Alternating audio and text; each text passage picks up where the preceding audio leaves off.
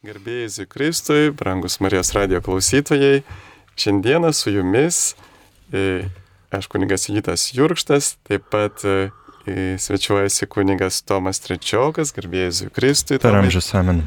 Ir kunigas brolis Vincentas Tamašauskas, garbėjai Zikristui. Per amžius amen. Turiu klausimų kunigui Tomui.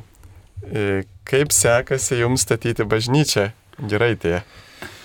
Nu, dabar mes, kaip aš juokauju, vartom popierius iš vienos krūvos į kitą, todėl kad yra ypatingas statinys.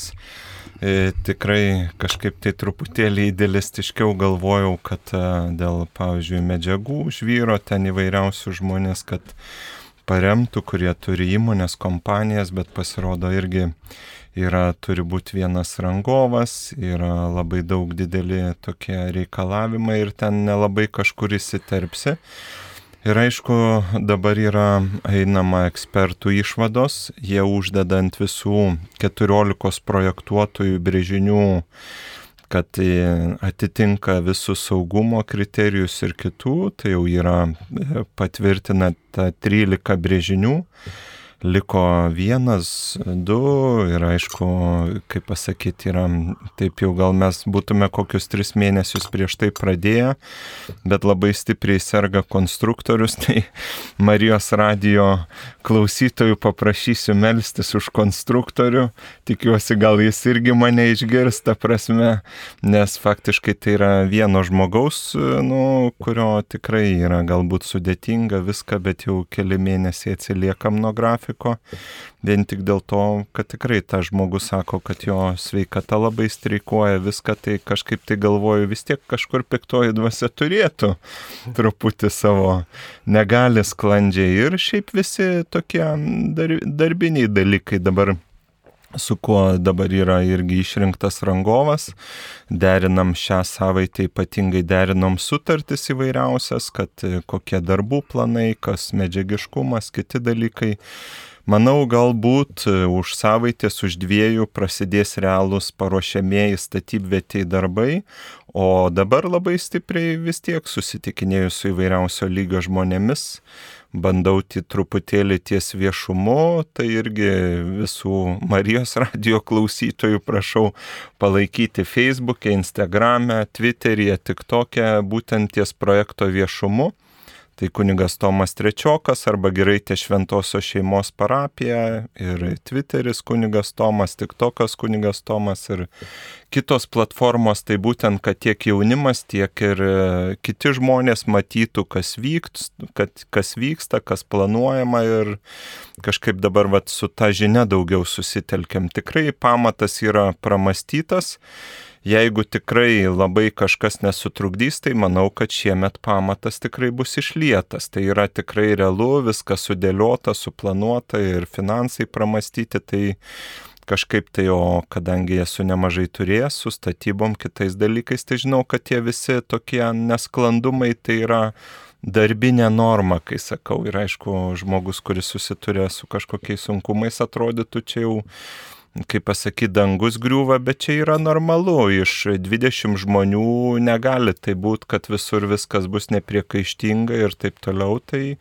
kažkur, bet va tame pliusas. Mes atsiliekam kokie 4-3 mėnesiai, bet kainos pakrito, darbų kainos pakrito, medžiagų kainos pakrito, viskas. Tai yra tam tikri dalykai, kurių tu negali pamatyti ir faktiškai dėrėjimasis, kuris buvo vienoks ir dabar labai daug dalykų yra pakita, tai tikrai ačiū Dievui. O šiaip tai tikrai labiausiai prašau visų maldos ir palaikyti socialiniai medijai. Ačiū.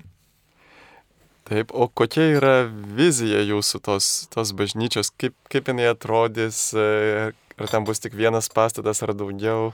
Šiaip vizija iš tikrųjų būtų, kadangi ten bus gerai, tai rekreacinė visa zona.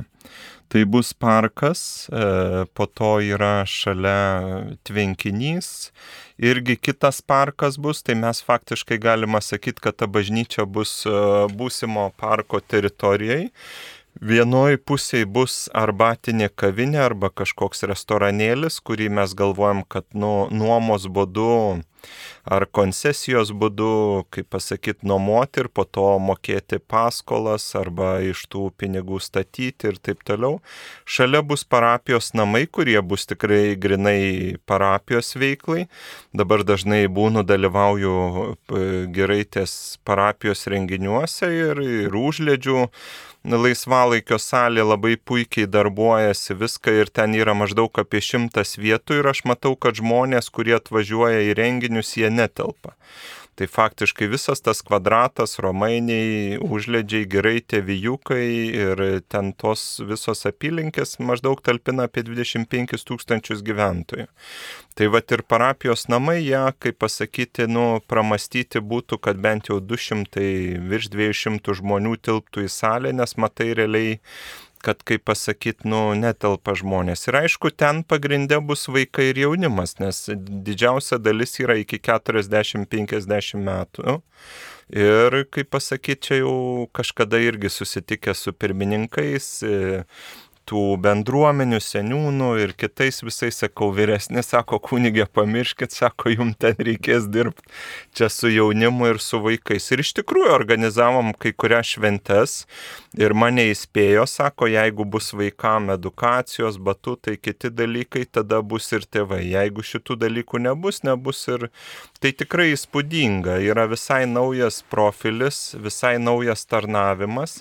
Ir iš tikrųjų turi būti patogu gera vaikams ir žiūri, kartu ateina į tuos renginius ir teveliai ir, ir, ir šiaip labai įdomu. Įdomu yra kurti, Aišku, labiau daugiau tikimės iš tos aplinkinės veiklos, iš nuomų, iš kitų dalykų, ta prasme, kad ten šiaip tų statybų neidealizuoju, pasitikiu Dievu ir aišku, pajungti visą tai, kas galima, ta prasme, kad ten, nes iš kitos pusės turi atsižvelgti ir kaip su kitų bažnyčių statybom sekėsi, tai neturi taip kažkaip tai galvot, kad būtent tau geriau, lengviau ar paprasčiau. Tiesiog turi kai kuriuos dalykus peržiūrėti ir, kaip pasakyti, ir žiūrėti, analizuoti klaidas ir galbūt kažką kitaip daryti. Ačiū, kunigė Tomai. O broli Vincentai, jūs dabar irgi atvykote trumpam iš Krokuvos ir tenais e, rašote tyrimą į darbą apie tėvą Stanislavą. Kaip sekasi? E, šiaip pradžioje galvojau, kad tas darbas taip trumpai užsitęs, galvoju, šitaip nusiuntė valdžia mano vienuolyninė į į Krokovą, kaip sakant, pa, padaryti tokį tyrimą, bet pasirodo, kad tai yra įvairialypė asmenybė ir tas ratas žinančių jį ir visokių malonių per jo užtarimą vis daugėja, daugėja ir nežinau, kaip čia dabar bus baigti. Pradėjom taip įsisukti, dabar nauja knyga kaip tik pasirodė tiesa rusų kalba, bus tikriausiai lietuvių kalba, pater tėvas, bus jos pristatymai už dviejų savaičių čia Lietuvoje. 105 e, metinis tėvo Stanislovo susidomėjimas šitą asmenybę, kaip nekeista, nemažėja, bet didėja. 24 rugsėjų bus 16 val. mišios ir, ir grandiozinis koncertas, tėvo Stanislovo festivalis paberžėjai, kas galėtų prisijungite. E, tai nuostabi, e, tokia charizmatinė, skirtinė asmenybė ir daug perlų atrandu, tokių, tokių nes kol pats nepradedi gyventi dva, dvasinį gyvenimą, maldos gyvenimą ir galbūt e, e, kažkaip iš tikrųjų suvokti jo pamokslus, jo mintis e, reikia, reikia laiko ir, ir labai, kaip sakant, gili asmenybė ir, ir kuo giliau einu, tuo, tuo, tuo, kaip sakant, daugiau klimstu. Ne. Taip, o dar kita labai didelė asmenybė susijusi su jūsų vienolyje šventas tėvas Pijus, kurio kaip tik šiandien švenčiame 55-asias metinės nuo įžengimo į, kaip sakyti, į amžiną gyvenimą. Ir gal apie, jūs, apie jį galėtumėt pasakyti, kas jame jūs labiausiai taip patraukia, žavi, kokios jos savybės ir gyvenimo momentai. Visų pa, pirmiausiai galiu pasakyti, kad tai savotiškas toks dvasinis mano pašaukimo tėvas, į kapucinus, per jį atradau kapucinus, vienuolyninį gyvenimą, skaičiau. Aišku, patinka tie visi, būtent gal daugiau užakcentuočiau, kas mane sužavėjo būtent tas maldos gyvenimas, tas nuolankumas, e, ištikimybė bažnyčiai, ko dabar kartais trūksta, e, būtent nuolankumas prieš popiežių, prieš vyresniuosius, e, sutikimas su juo valia, ko, ko man irgi kartais taip norisi paniursgėti, kad netaip priėmė kažkokį sprendimą, o Stanislavas 30 metų nuolankiai, atsiprašau, tėvas Pijus nuolankiai meldėsi, tik aukojo mišes, negalėjo viešai darbuotis, nei iš pažinčių e, klausyti.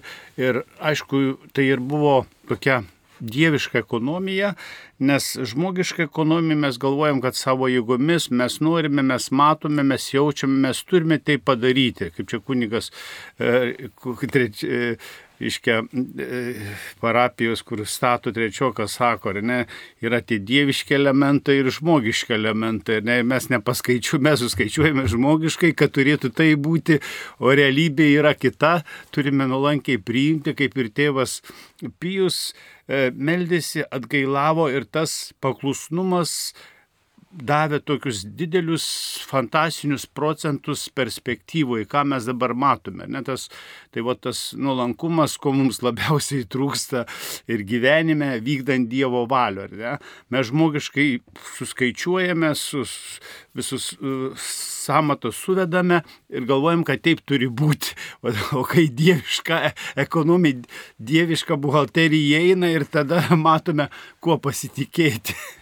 O jūs paminėjote irgi apie klusnumą popiežiui, kaip tik šiandien irgi yra penktosios metinės nuo popiežiaus Pranciškaus vizito Lietuvoje, kaip tik šiandien vakare per ganytojo žodžio laidą 18.15 girdėsime jo kalbas pasakytas e, Vilniuje.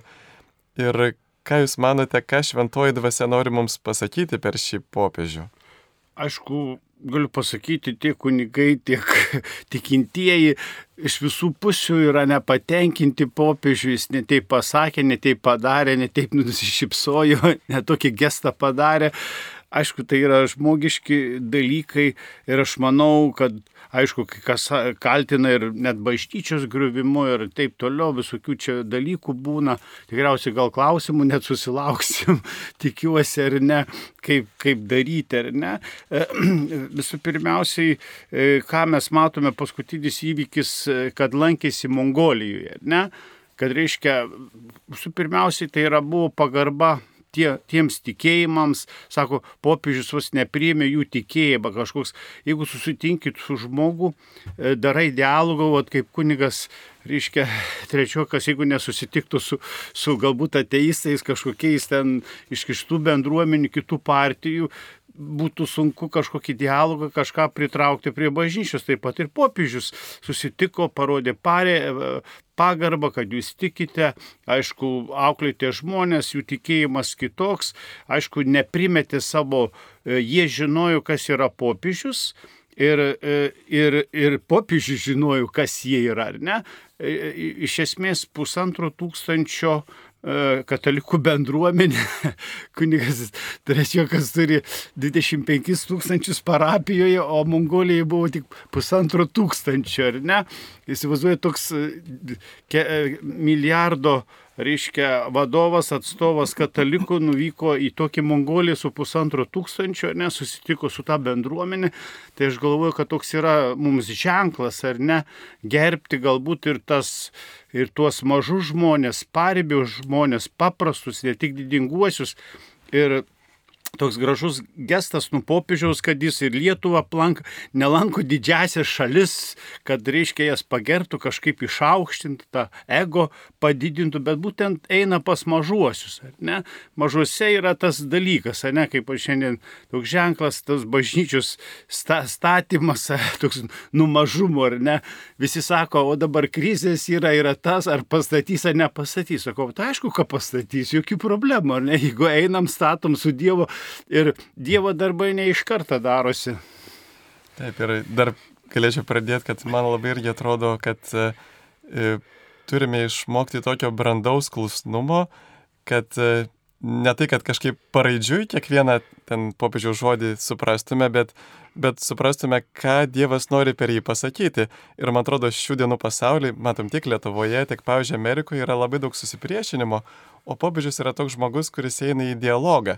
Ir man atrodo, va tos dialogo kultūros mums reikia išmokti, kada, na, mylėti ir sugyventi su kitu žmogumi, kuris turi visiškai priešingą, skirtingą nuomonę tiek apie politinės pažiūras, tiek apie tikėjimo pažiūras. Tai čia, man atrodo, irgi kaip, kaip e, išmokti tos taikos, tai būtent mylėti kitaip mąstančius ir kažkaip Lietuvoje dėja ir bažnyčioje yra daug tokio na, neapykantos kitaip mąstantiems. Tai čia, man atrodo, labai popiežius galėtų Aš gal šitą. vieną sakinį dėsiu, kad, reiškia, reiškia, jeigu mes susitinkame su kitaip mąstančiu ar, ar net priešingu, kaip sakant, tai visi galvoja, kad mes priimam jo nuostatas. Atrodo, kad jau su juo tampi draugu. Nu taip nėra. Kiekvienas Taip irgi buvo vakar dienos šita skaitiniai, ar už vakar, dabar neatsimenu, vienalinę skaičiau, kad irgi Jėzus sėdėjo su muitininkais, su fariziejais, su nusidėjėliais ir jam sakė, bet iš tikrųjų, ko Jėzus nori, ar visus susodinti į kalėjimus, ar kad žmogus pakeistų savo gyvenimo būdą. Tai mes visada irgi ir kunigai priemam įvairiausių žmonės, esu ir narkotikų priekeivius, ir nusikaltelius, ir po kalėjimo viską, bet tu žiūri, ar žmogus nori keisti savo gyvenimą, ar žmogus nori, kad jam lengviau jo reikalai sektųsi. Tai va čia irgi ir iš tikrųjų Dievas yra tas, kuris keičia. Tu gali pjausti rankas, sodinti kalėjimus viską, bet jeigu jo principinis idėjų ir vertybinis pasaulis nesikeičia, tai mes ir dabartinio karo mes galim tų ginklų kiek nori siūsti. Ta prasme, į tai yra svarbu gintis, bet yra kitas dalykas, kad vėl melstis, kad tų žmonių ku- viduje, kurie sukūrė šitą karą, įvyktų vidinis vertybinis lūžis. Ir be jo jokie ginklai nepadės. Ačiū. Labai noriu papurinti kunigui trečiukui. Tomai. Tomui, Ačiū. kad dėl, dėl, dėl to Kad karo... trečioką žinau, kad 40 metų. esu, Tai va, bet... E, jaunesnis už mane. Iš esmės šiandien, aišku, tokia yra labai vyraujanti ta, reikia sunaikinti net tą tautą, ten visus sunaikinsim, viską kultūrą ir blogio pasaulyje nebus. Toks sprendimas, aš manau, nėra geras, ar ne? Aš manau, kad aš e, asmeniškai esu prisidėjęs prie to karo per savo nuodėmę, puikybę, per kurstimą, galbūt priešiškumą kitam. O čia, čia yra mūsų toks skaudulys, kuris išėjo iš visos žmonijos. Tai nėra tik tais reikalas Ukrainos ar Rusijos, ar ne? Tai yra ir mano, ar ne, mažai pasininkų, mažai maldos, nuolankumo, galbūt e, ir čia mūsų visi europiečiai mes buvom tiek susireikšminę, tiek savo ego išpūtę ir staiga matome, nei pinigai, nei euras niekas nepadeda, reikia Taip, jeigu galima pajokausiu, aš visada žmonės sako, kodėl reikia penktadienį susilaikyti nuo mėsos, pasimelsti viską. Tai sakau, žinot, jums sunku susilaikyti nuo mėsos, o Putinui sunku susilaikyti nuo žemė užėmimo. Ir visų mūsų problema yra susilaikymo nebuvimas. Tai tarkim, tai va čia irgi truputėlį išplėsti sąmonę. Jeigu po tavo ranka yra šitie dalykai, po galingo žmogaus ranka yra ir atlyginimai, ir žemės, ir kiti dalykai ir jis irgi taip pat galvoja, a kodėl aš turiu valdytis. Taip. Na ir aš dar pabaigai trumpam dar įterpsiu savo trigrašį ir paskui paliksiu jūsų gerbiamais kunigais. Tai dar prisimenu viena, vienas klausytojas klausė per e, bažnytinės teisės klausimų laidą, sakė, kad e, kunigas Jurkštas pasakoja apie tam tikras širdeles, kurios atsiranda Vatikano laboratorijose tyriant Euharistijas. Tai norėjau truputėlį pa- patikslinti šitą sugedusį telefoną, kad ką aš turėjau minti, ne tai, kad Vatikano laboratorijose mokslininkai mato kažkokias širdeles per mikroskopą e, Euharistijoje, bet kad yra įvykę Euharistijos stebuklų ir jų pakankamai nemažai per visą bažnyčios istoriją. Ir aš būtent pasakoju apie Sokulkos Euharistijos stebuklą Lenkijoje, visai netoli nuo Lietuvos, kur tiesiog išmesta komunija ant žemės, jinai paskui ją įdeda į tokį indą, kad ištirptų ir jinai, e, na, pakeitė savo spalvą, pasidarė visą raudoną ir vėliau davė ją po kelių metų tirti mokslininkams iš Balstogės universiteto. Ir jie atrado, kad tenais yra ne tik žmogaus širdis, e, tik, tikras žmogaus širdies raumens gabalėlis toje Euharistijos duonoje atsiradusi, atsiradęs, bet ir tiesiog matosi per mikroskopą, kaip duona perauga į žmogaus širdį. Tai va toks labai e, sukrečiantis Euharistijos stebuklas, parodantis, kad Jėzus tikrai yra. Tai buvo prašyta žurnale Mylėkite viens kitą. Taip, brolis Vincentas leidžia. Taip. Na va, tai aš su jumis atsisveikinu, o dabar tikrai laukiame, e, kunigai laukia jūsų žinučių ir skambučio. Tai dabar turbūt jau turite ir, ir žinučių, tada kunigė Tomai. Gerai. E, taip, e, Antanas iš Vilniaus klausia, mastant apie žmogaus kūrimą pagal Dievo paveikslą ir panašumą, yra svarbi, sakyčiau, raktinė eilutė pradžios knygos, antras 25.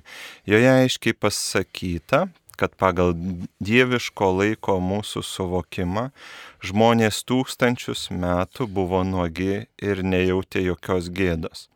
Gėdos jausmas yra protingumo savybė. Ką galite jūs pasakyti? Ačiū Antanai už jūsų klausimą ir visada stengiuosi tiek šventojo rašto, tiek kitų dalykų neinterpretuoti. Nelabai galvoju, kad žmonės buvo nuogi, todėl kad pavyzdžiui Lietuvoje, kitose šalyse buvo šalta, tai manau, kad tikrai dalis žmonių buvo apsirengę. Ir aišku, tas a, pasakojimas, kuris kalba apie gėdą, kaip jūs ir minite teisingai, kas yra parašyta, leiskite jums perskaityti tą būtent eilutę.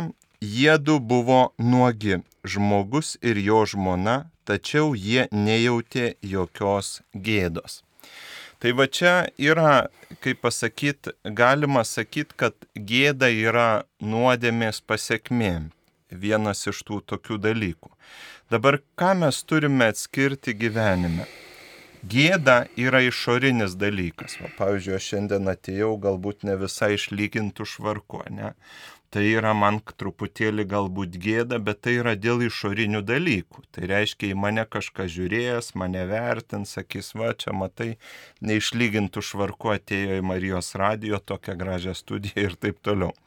Kas yra kalties jausmas? Kalties jausmas yra vidinis jausmas, kada tu pagalvojai, nepasimeldžiau, kažko nepadariau arba kažkur tai padariau klaidą. Tai būtent iš santykio su Dievu kyla visada vidinis kalties jausmas ir net psichologai kalba apie tai, kad kalties jausmas yra geras dalykas, ką labai dažnai žmonės bando eliminuoti, todėl kad tai yra vidinis dialogas su Dievu ir su savo sąžinė. Reiškia, ką aš darau taip ir ką darau ne taip. Gėdos jausmas yra, e, kaip pasakyti, veikiamas išorės. Ką galvoja mano kaimynas, ką galvoja mano draugai, draugės ir panašiai. Ir aš esu veikiamas ne santykio su savimi, savo sąžinė ir protu, bet aš esu veikiamas a, santykio su tuo, ką apie mane galvoja. Ir dabar pasaulyje daug yra įvairiausių diskusijų ir taip toliau. Ir žmonės dažnai bijo pasisakyti įvairiausiais klausimais, kad jie ten nepasirodytų ar homofobais ar dar kažko ir juos komoja gėdos jausmas. Tai vad gėdos jausmas yra išorinis, o kalties yra vidinis. Tuo labiau yra įrodyta, kad yra kultūros, kurios, pavyzdžiui, yra išvyščiusios gėdos jausmą, tai reiškia prisitaikymo prie aplinkos jausmą, jos dažnai būna ži- mažiau įsivyščiusios negu tos kultūros, kurios turi kalties jausmą. Tai reiškia savo vidinį santykių su atliktų darbu tai ir taip toliau.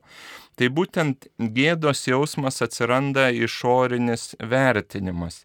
Ir aišku, dažnai vad žmogus būna ateina, jisai kaip pasakyti, daug žmonių, vat, kiek ir pokalbėm priemant, irgi tu matai, kad jie patenka į vidinę krizę dėl to, kad jie bijo, bijo ne tai, ką jie padarė, bet jie bijo, o ką dabar visi kalbės ir sakys.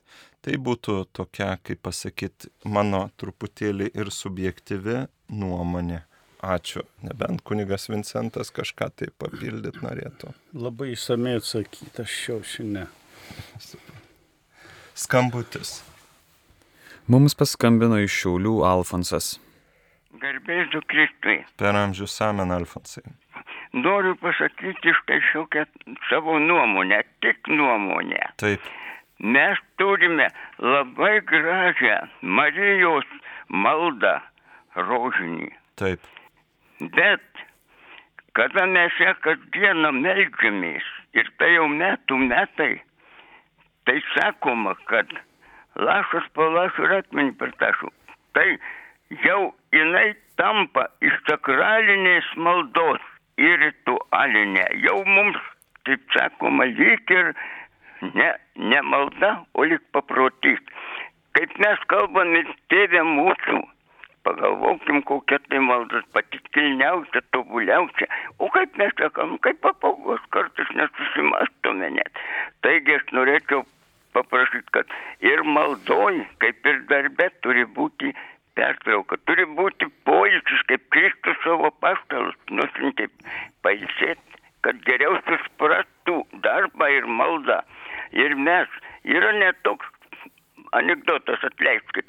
Sako, kai kunigėlį šventina, tai tris metus, nu taip, melkis nuoširdžiai, jisai ir sako, levabo medominė, o kada po trijų metų, nu tai jau tik tai aspergės medominė, o kai dar vėliau, tai tik vidė akva.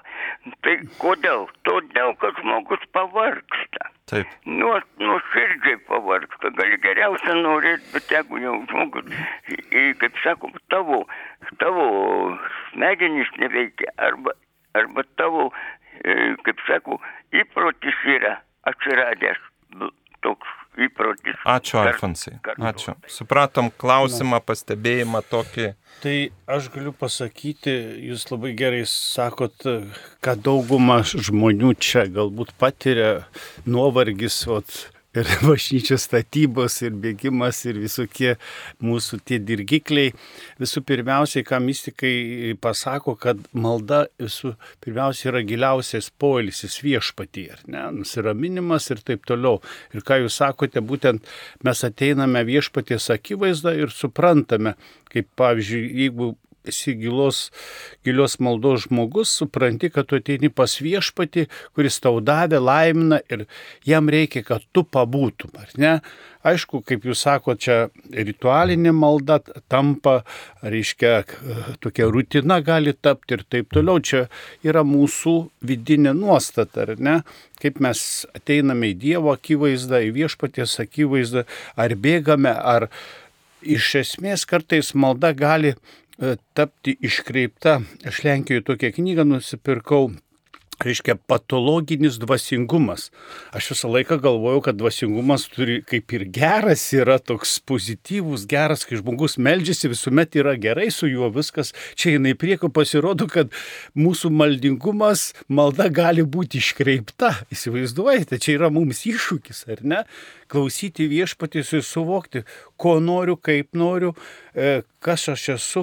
Ir maldoje, ką aš pastebėjau pagal save, darau daug klaidų, kai mes e, melžiamės, ar ne, mes pradedame kurti stabus ir projektuoti, melžiamės ir Dievę. Nebus tavo valia, bet Dieve melžiuosi, žiūrėk dabar padaryk taip, taip, taip ir būti, būti taip, taip, taip ir jau krenti į depresiją, į stabus ir iškreiptą dvasingumą, nes tu nori, statai savo stabus ir nori, kad tavo valia, o tu nesimeldi Dievę ateinu tavo akivaizdai, tu mane laimini, tu mane myli, tu mane paulis, aš visuomet į maldą ateinu ir stengiuosi, Dieve, duok man pailsėti, nusiraminti, ar ne, pasimėgauti tavimi.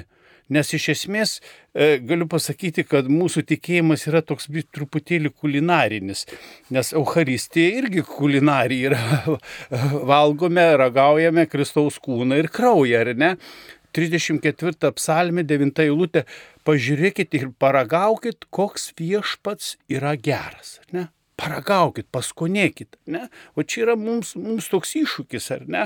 Tas ateimas, tas ir, ir mes statome tos e, stabus, pakliūviname depresiją, nesakome, Dieve, aš atėjau, tu mane laimini, tu mane myli, tu mane mėgaujasi, kaip ir aš turiu mėgaujati, tu mane atpalaiduoji, duok man stiprybės, kad aš vykdyčiau tavo valią.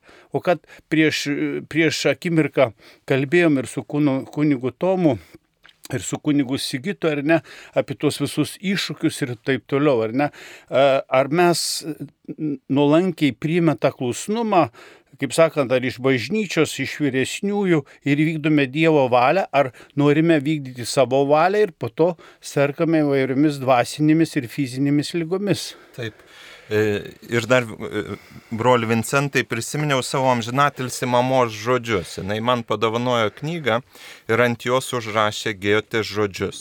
Žmogus gali viską, ką panori, bet jis turi norėti tai, ką jis gali. E, šių laikų supasaulėjimas ir kapitalizmas duoda vieną tokį labai lyguistą mąstymą, kad žmogus kokybę pasiekia per kiekį ir kuo daugiau yra kiekio, tuo tipo viskas yra e, geriau. Bet iš tikrųjų aš visada žmonėms sakau, žinot, ką, ką Dievas sukūrė. Dievas sukūrė pasaulį, žmogų, mišką, jūrą, smėlį, dangų, žvaigždės ir viską. O žinot, ką žmogus sukūrė? Skaičius. Pas Dievą ir gamtoj skaičių nėra. Jūs galit mane nuvesti bet kurią vietą, nėra nei vieneto, nei dešimt, nei šimto, nei tūkstančio. Nesumatęs nei vienoj vietoj skaičių. Skaičius yra žmogaus išradimas. Kai žmogus važiuoja prie jūros, prie ežero, žiūri. Aš vieną pertrauksiu, Taip. paporinsiu kunigui Tomui. Žiūrėkite, kaip tik apie skaičius, ką sako, mes esam skaičių kaliniai. Taip. Skaičių, kaip sakant, į skaičių kalėjimą kalėjimą pakliuvo. Žiūrėkite, už ką e, buvo nubaustas Dovydas? Už tai, kad pradėjo skaičiuoti iš puikybės savo žmonės. Taip, ir pavyzdžiui, dabar mes nu, nuvažiuojam prie jūros, buvau su savo draugais prie jūros ir galvoju, nu kiek tonų smėlio yra, ne? Kiek litrų vandens, supranti, kiek žvaigždžių, supranti, o kiek kubų medienos, kai eini pro šalį, ne? Ar tu eini, žiūri, sakai, Dieve, koks gražus pasaulis pasaulis, kokia graži gamta, kokia yra nuostabi draugystė ir taip toliau. Viskas yra santykis su savimi, su Dievu, su žmogumi ir taip toliau. Ir esmė yra tame, kad žmogus viską pradėjo skaičiuoti. Ir galvoj, kunigas Sigitas pakvietė į klausk drąsiai laidą. Nu galvoj, palauk, Tomai, tai gal kažkur kitur nuvažiavęs daugiau užsidirbtum, negu čia mikrofoną, supranti. Ar, ar kažkur pašventit, patarnauti viską. Tai žiūri skaičiukas, ne jeigu įsijungia ir tavo, tavo mąstymas jau keičiasi. Ir, pavyzdžiui, jeigu manęs irgi klaustų, žinai, nu, va, Tomai statyti bažnyčią, kiek čia kainuos viską ir taip toliau, tai tu iš karto pasiemi antidepresantų butelį, dar kažką raini pas psichiatrą ir sakai, žinai, nu, neįmanoma viską. Bet jeigu tu žiūri kokybiniu atžvilgiu, tai yra santykis, tai atsidavimas, tai pasiaukojimas, tai kiti dalykai. Ir kas yra įdomu, prie ko vedu, kad ir į maldą mes įvedėm skaičius. Ateina žmogus ir sako, va tiek pasimelsi, tiek atkalbėsi, tiek dar kažką ir taip toliau. Arba būna ateina prie mane žmogus ir sako, kunigė, skaičiau labai gerą knygą. Sakau, tikrai, 32 puslapį ten labai gera va tokia ir tokia mintis. Žmogus žiūri išpūtęs akis. Ir jisai neprisimena, jis nežino tų minčių, reiškia, tu neturi santykių tu tikrai perskaitai 10, 100 ar kažkas tai, bet ar yra kažkas likę tavyje? Tai lygiai taip pat ir jūs, ponas Alfonsai, kai kalbate apie maldą, tai čia ne tik kunigų malda, tai yra ir šeimos santykiai, tai yra ir dar, darbdavio santykiai su darbuotojais ir kitais. Ta prasme, ar tu eini link to, kad turiu padaryti ir skaičius, ar tu jauti to santykio dvasę? Ačiū už klausimą sekanti žinutė būtų, ar verta melstis už mirusius, jeigu jie jau galutinai pateko į dangų ar pragarą? Aišku, čia vėl iš tos serijos apie maldą mes melžiamės, e, tą, ką bažnyčia siūlo, ką raštas, tradicija ir mes nežinome, kas kur pakliuvo, ar ne, kas kur pakliuvo, net bažnyčia nepasisako, kur Hitleris su Stalinu sėdė, ar ne? Yra bažnyčios tradicija labai graži, kai kurios protestantinės bažnyčios kaip ir neigia, nes iš esmės e, bažnyčia yra ne tai, ką mes matome, o kaip čia kunigas e, Tomas labai gražiai suvedė tuos skaičius, ar ne, mes matome, kiek ateina į bažnyčią, kiek bažnyčiai narių, bet čia reikia žiūrėti dvasinėmis akimis, kad čia yra ir angelai, ar kangelai, ir mūsų išjusieji, čia visuma yra visos bažnyčios, čia yra dvasiniai dalykai, neskaičiai, ne, kaip kas pateko ar nepateko bažny, bažnyčia per, turi, kaip sakant, yra atlaidų, visokios, reiškia, privilegijos ir mes negalime sakyti, kur žmogus pateko. Svarbiausia, nulankiai melskimės už mirusiuosius, kaip ragina bažnyčia ir šventas raštas, o Dievas, manau, susitvarkys. Nebūkime Dievo vietoje ir teisėjai Dievo. Taip, ačiū Vincentai ir aišku, dar norėtųsi truputėlį papildyti. Tai yra Dievas mato visumą ir kokybę mes labai irgi esam linkę atskirti žmonės, atskirti įvykius ir taip toliau. Bet dabar pasižiūrėkime mūsų, tarkim, senelių, tėvų, ta prasme, prosenelių ir panašiai. Ir mes esame girdėję tokių dalykų. Sako, žiūrėk, jo motina melavo, žiūrėk, kaip jisai irgi lygiai taip pat meluoja, žinai. Arba žiūrėk, jo senelis buvo labai godus, šikštus, žiūrėk, jisai irgi toksai. Arba žiūrėk, ten kažkas tai viskas. Tai žinot, čia yra esmė, kad tu, kai meldiesi už mirusius, meldiesi už jų klaidų ir nuodėmės, tu taip pat meldiesi, kad mano tėvų, senelių klaidos ir nuodėmės neteitų į mano gyvenimą. Nes, pavyzdžiui, jeigu tėvas, mama ar e, puoselėja nepagarbą vyrui arba moteriai, arba tam tikrą žiaurumą ir taip toliau, ir kartais va bendrauji su žmonėmis, kurie iš tikrųjų paslydė ar priklausomybėse ar nusikalstamam pasaulį, tu matai, kad jie paveldėja tai iš savo tėvų, senelių, iš mirusių ir taip toliau. Todėl mes labai at atjungiam šitą liniją. Bet iš tikrųjų, jeigu mes melžiame už savo brangius mirusiuosius, ne Dieve laismink mano ten tėvus, senelius iš tų klaidų į nuodėmių, kad jie keliautų į tavo ramybę, džiaugsmą ir šviesą, bet neleisk taip pat, kad tos klaidos ir nuodėmės ateitų į mano gyvenimą, kad jos greutų mano gyvenimą. Juk visur yra ir tam tikras paveldėjimo aspektas. Neveltui mūsų gyvenime yra ta ir ta prasme gimtosios nuodėmės teologija ir po to yra, kad žmogus yra, kaip pasakyti, baudžiamas iki kažkėlentos kartos, po to iki, iki ta prasme, iki ten belė, labai daug kartų yra laiminamas ir po to tik tai po kiek tūkstančių metų atsirado genetika ir taip toliau, kur pasirodo žmogus irgi tyrė, kad tam tikrų aspektų yra, kurie yra mumyse įrašyti. Ačiū už klausimą skambutis. Mums iš Šiaulių paskambino Marius. Tai garbės Kristai. Per amžius amen. Žiūrėkit, aš tokį klausimą noriu užduoti. Palaidojau mamą prie ir palaidota, kaip sakant, prie seno kapo, Taip. kur yra ir kryželis, ir viskas, bet šalia pastatėme dar plokštę taip pat su kryželiu ir mamos vardas viskas šalia. Taip. Nes į seną paminklą netilpo. Tai pastatėme, ta prasme, plokštę, trikampinį, mamos vardas užrašytas ir kryželis pastatytas.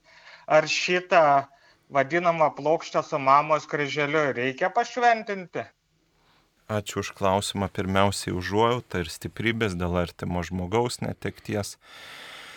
Tai yra labai svarbu, o šiaip žinot, nematom tos situacijos, negalim vertinti. Ta prasme, jeigu viskas yra integralu, gražu ir pagarbu, jūs galite palikti. Jeigu matot, kad kažko yra, e, tai yra taip.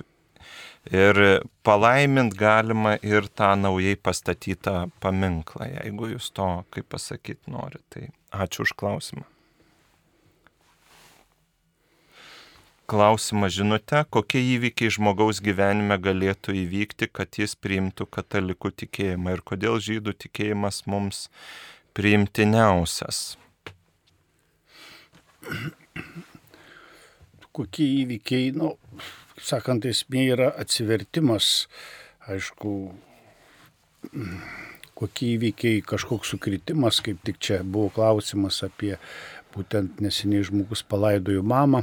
Prisimenu e, vieną, kai dirbau klebonu, tokį įvykį, kaip e, žmogus, e, sunus verkė per laidotuvę savo mamos ir sako, jis turėjo priklausomybę, tam, su ta mama nelabai taip garbingai elgėsi, pasakykime, galbūt reketavo ten ir taip toliau. Ir kai mirė, įvyko toks atsivertimas jo gilus, jis labai skaudžiai liūdėjo ir sako, daugiau nei lašo vardan mamos atminimo, ar ne? Tad va tokie įvykiai gali kažkaip tai su, sukrečia, priverčia prasimatyti, net e, girdėjau tokius liūdėjimus iš karo Ukrainoje, kad daug kareivių pradėjo įtikėti į Dievą, nes ukrainiečių tauta tokia nėra vienalytiška, tokia taip, visi tikintis ir taip toliau, bet tam tikri įvykiai, kaip sakant, Dievo vedimas, net e, tuo karu, durnu, kvailu gali Dievas panaudoti kaip įrankių. O kodėl žydų tikėjimas mums primtiniausias, aš manau, kad čia toks klausimas truputėlį man keistas, primtiniausias tai yra Jėzus Kristus mums asmeniškai, ne žydų. Aišku, kad e, e, išganimas ateina į žydų, kaip Jėzus sako, kad šaknis yra ten, o pilnatvė yra Jėzus Kristus, ar ne? Mūsų tikėjimo broliai, kaip sakant, kurie pe, pa, per pranašus, per viską ta, ta linija ėjo link Jėzaus ir čia negalima kalbėti koks primtiniausias, kad sakysiu, gal ir, ir e, musulmonų, ir kažkoks animistinis tikėjimas. Ne, mūsų katalikų tikėjimas, nes e, Jėzus sako, pažinsite tiesą ir tiesa mus išlaisvins. Čia labai geras klausimas, būtent primtiniausias tikriausias tikėjimas, ar ne, kad mes turime bręsti, ieškoti ir įsišaknyti savo tikėjimą, ne, ieškoti, skaityti, e, žmonės, tai yra pardavėjų skundžiasi katalikų knyginė, kad mažai žmonės perka, perka tikriausiai kažkokius horoskopus, kažkokius kitus žurnalus, galbūt tai nėra blogai, bet nesigilina į savo tapatybę, nemyli tas, kas yra svarbiausia, nes mūsų tikėjimas e, apreikštas, kas gražiau gali kažką pasiūlyti už frazę. Dievas yra meilė, ne? Jėzus yra meilė. Ne? Todėl kažkaip reikia mylėti, e, ragauti, džiaugtis, skelbti, gyventi, šaknytis ar ne. Ir jeigu mes nemylime patys save, to, to palikimo, savo tikėjimo, nu tai Taip ir aišku, dar vedimas vis tiek e, šitą dešimt Dievo įsakymą, kiti Senasis testamentas tai buvo Dievo vedimas, nes ir pats Jėzus Kristus sako, jūs dabar daug ko negalite suprasti ir pakelti. Ir, va, pavyzdžiui, kaip dabar neurologai kalba irgi, kad, pavyzdžiui, ateities nuspėjimas, minčių skaitimas gali būti ateities žmogaus normali savybė. Mums atrodo tai kaip tam tikras kosmosas, bet, pavyzdžiui, irgi tam tikriem ir šventiesiem ir taip pat blogiem žmonėm buvo priskiriama tai, kaip, va, pavyzdžiui, kodėl tarkim, Hitleris, Stalinas, Leninas ar kiti labai stipriai iškylo, tai būtent todėl, kad jie nu, vis dėlto gebėjo matyti kažkiek ir nujausti žmogaus mintis ir veiksmus. Tai yra daug kur Dievo vedimo, kur mes dar esam kelyje ir aišku, mūsų tikėjimas yra katalikų tikėjimas. Kas liečia, kokie įvykiai galėtų, tai aš visada sakau, Dievas kalba nebūtinai per bažnyčią ir kunigus, tai išsipildo, bet pavyzdžiui, žmogus eina visada girtas dirbti prie medžio apdirbimo staklių. Ir jisai pasižiūri, jo draugui nupjauna pirštus, ne? Ir pavyzdžiui, jisai sako, o, supratau, girtas neįsiu į darbą. Tai yra Dievo kalbėjimas. Tai yra tas, kas keičia žmogaus gyvenimą iš blogio į gėrį. Tai gali būti bet kuris įvykis, bet kuris. Ir mes niekada Dievo nesudėkime į kažkokias dėžutes. Aš vieną kartą su draugu kalbėdamas kalbėjau, kad irgi iki vienos iš planetų ten yra keliavimas apie šimtą šviesmečių ir panašiai. Ir sakau, kokie atstumai. Tai šviesos greičiu šimtą metų skristi viską. Ir jisai sako, man rauna stoga šitos savokos, šitie suvokimai ir taip toliau. Tai mes čia paleiskime tikrai Dievui veikti. Taip, skambutis. Mums iš Zarasų paskambino Teofilė. Teofilė, garbė Jėzui Kristui. Per amžius amen. Klausom jūsų, Teofilė. Norėčiau paklausti, ar visose krikščionių konfesijose yra taip iš, išryškintas Marijos kultas? Juk mes Lietuvoje turim bažnyčių labai daug, gegužės mėno skirtas, spalio mėno Marijai, atlaidai prasideda ir gruodį, ir, ir rugsėjai, ir taip toliau.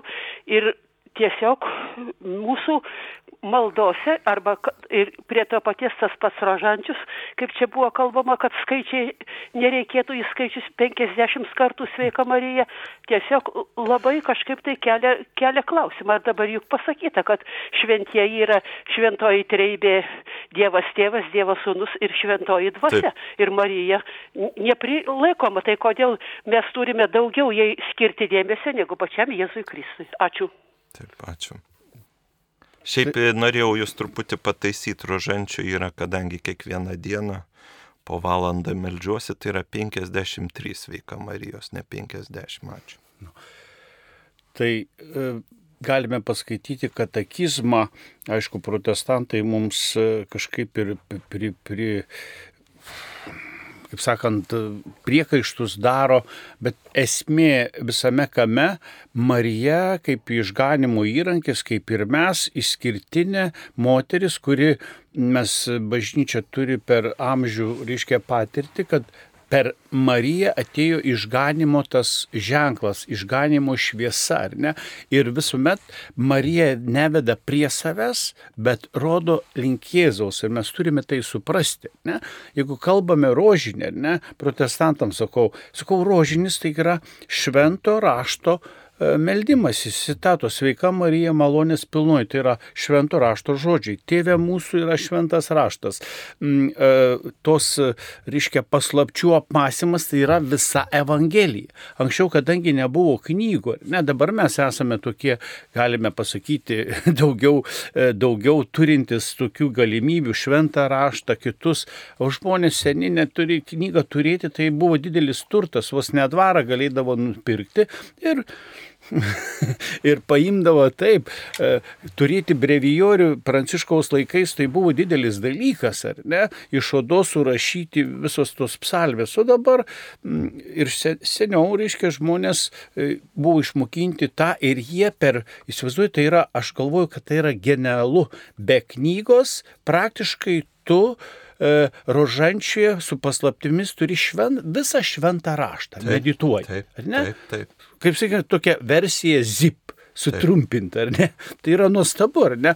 Ir kai, o, o kad pasitaiko tų nukrypimų tikėjime, ar ne, kažkaip minėjau apie pato, patologinį dvasingumą, ar ne, kad kiti net galbūt ir Marija aukščiau stato, e, čia vieną Facebook'e susidūriau čia vienoje grupėje, e, ten žmogus e, pas, pasisakė, pasis, pasiskelbė vos ne dievų, kristologų pasiskelbė, nu, kad visokių tokių dalykų, sako, reiškia, e, vis, nu, tokių ezoterinių, e, klausykit, ką kalbu, sako, o prie knygos e, ranką pridedi, gauni energiją, o čia yra tikras tikėjimas. Įsivaizduojate, kokių gali būti nukrypimų. Taip. Girdėjau, kad ne, tai Kauno arkikatedra, kai eini, nereikia išpažinties atlikti, nuodėmės automatiškai aš leidžiu. Įsivaizduojate, kokių gali įsigalvojimų būti. Arba, sako, įsineši daiktus į Kauną ar katedrą ir viskas automatiškai pašventinimas. O. Automatiškai, ne? Nu, tai yra toks juokas, cirkas, taip. galim pasakyti. Tuo, taip, tuo labiau, kad kunigė Vincentai, Dievo vedimas yra per gyvenimo vedimą ir čia visi puikiai tą žino, e, todėl kad e, tai dabar šiuo, šie laikai, aš sakyčiau, yra jausmų jausmų, interpretacijos ir fantazijų laikai.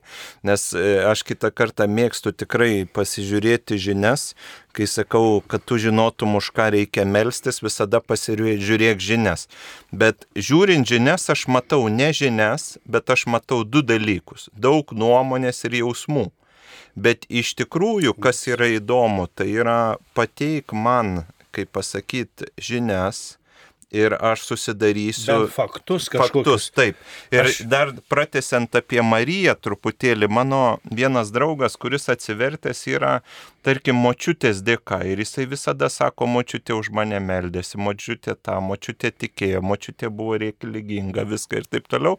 Ir galėtum pagalvoti, kad jo gyvenime močiutė yra pagrindinė. Bet iš tikrųjų jis atrado Dievą. Močiutė yra kaip užtarėja ir jis tos močiutės nepamiršta. Tas pats mum ir Marija jinai. Jinai veda mumis link Jėzaus Kristaus, link Dievo, bet jinai yra užtarėja, ta prasme, kuris stovi šalia tyli, rami, priimanti Dievo valią ir būtent mes jos neįvedam į tą sudėvinimą, bet jinai yra mūsų įvesdintoje. Ir valygiai kaip tas mano ta draugas, močiutė, močiutė, močiutė, močiutė. Ir atrodo, tai gal močiutė Dievas, bet jis puikiai supranta, kad močiutė nėra Dievas. Bet močiutė jam padėjo atrasti Dievą. Ačiū. Skambutis. Mums iš šakių paskambino Teresė. Garbė Jėzui Kristui. Per amžius amen, Teresė. Aš labai labai noriu padėkoti gerbiamam mylimam Tomui kunigui. Geriau mylimas negu gerbiamas. Ačiū. Labai nuostabus tiesiog stebuklas įvyko. Ačiū labai. Kada, vas- kada vasario mėnesį jūs jie taip užsėmęs buvot, ieškojom, gaudėm, skambinam jūs, kad brolienį mano miršta. Ir Gerai, jūs- ačiū, žinokit, gal nereikia mane stumti į, kaip pasakyti, pragarą, supratom, ačiū už jūsų padėką ir gražios dienos, gerai? Toliau, kitas klausimas žinutė. Ar galima tvirtinti, kad žmogus yra Dievas ir žmogus? Atsakymas yra taip pat paprastas, banalus, nes e, pagal katalikų dogmatiką Jėzus yra, e, Krist, e, tai yra Krist, Jėzus Kristus yra Dievas ir žmogus, ar ne? E, ir mumise e, taip pat e, per sakramentus yra e, mes, kaip sakant, gauname tą sudėvinimo, mes niekuomet nebūsim, o žmogus nori pasikelti į Dievą, į Dievą, reiškia, ir Hitleris, Stalinas, reiškia, kurti rojų ir pasistatyti Dievo vietoje. Ne?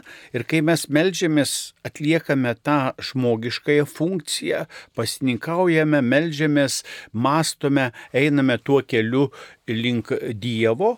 Ir antras dalykas, per sakramentus mumise įeina ta dieviškoji ekonomija. Ne? Ir mes turime, kaip sakant, irgi gauname tas dvi prigimtis, net per ir krikštą ir taip toliau, ar ne? Ir kad e, žmogus yra, e, galime pasakyti, čia yra netikslus įsireiškimas Dievas ir žmogus, Jėzus Kristus, o mes turime ir e, žmogišką prigimti ir dievišką prigimti kaip Jėzus Kristus.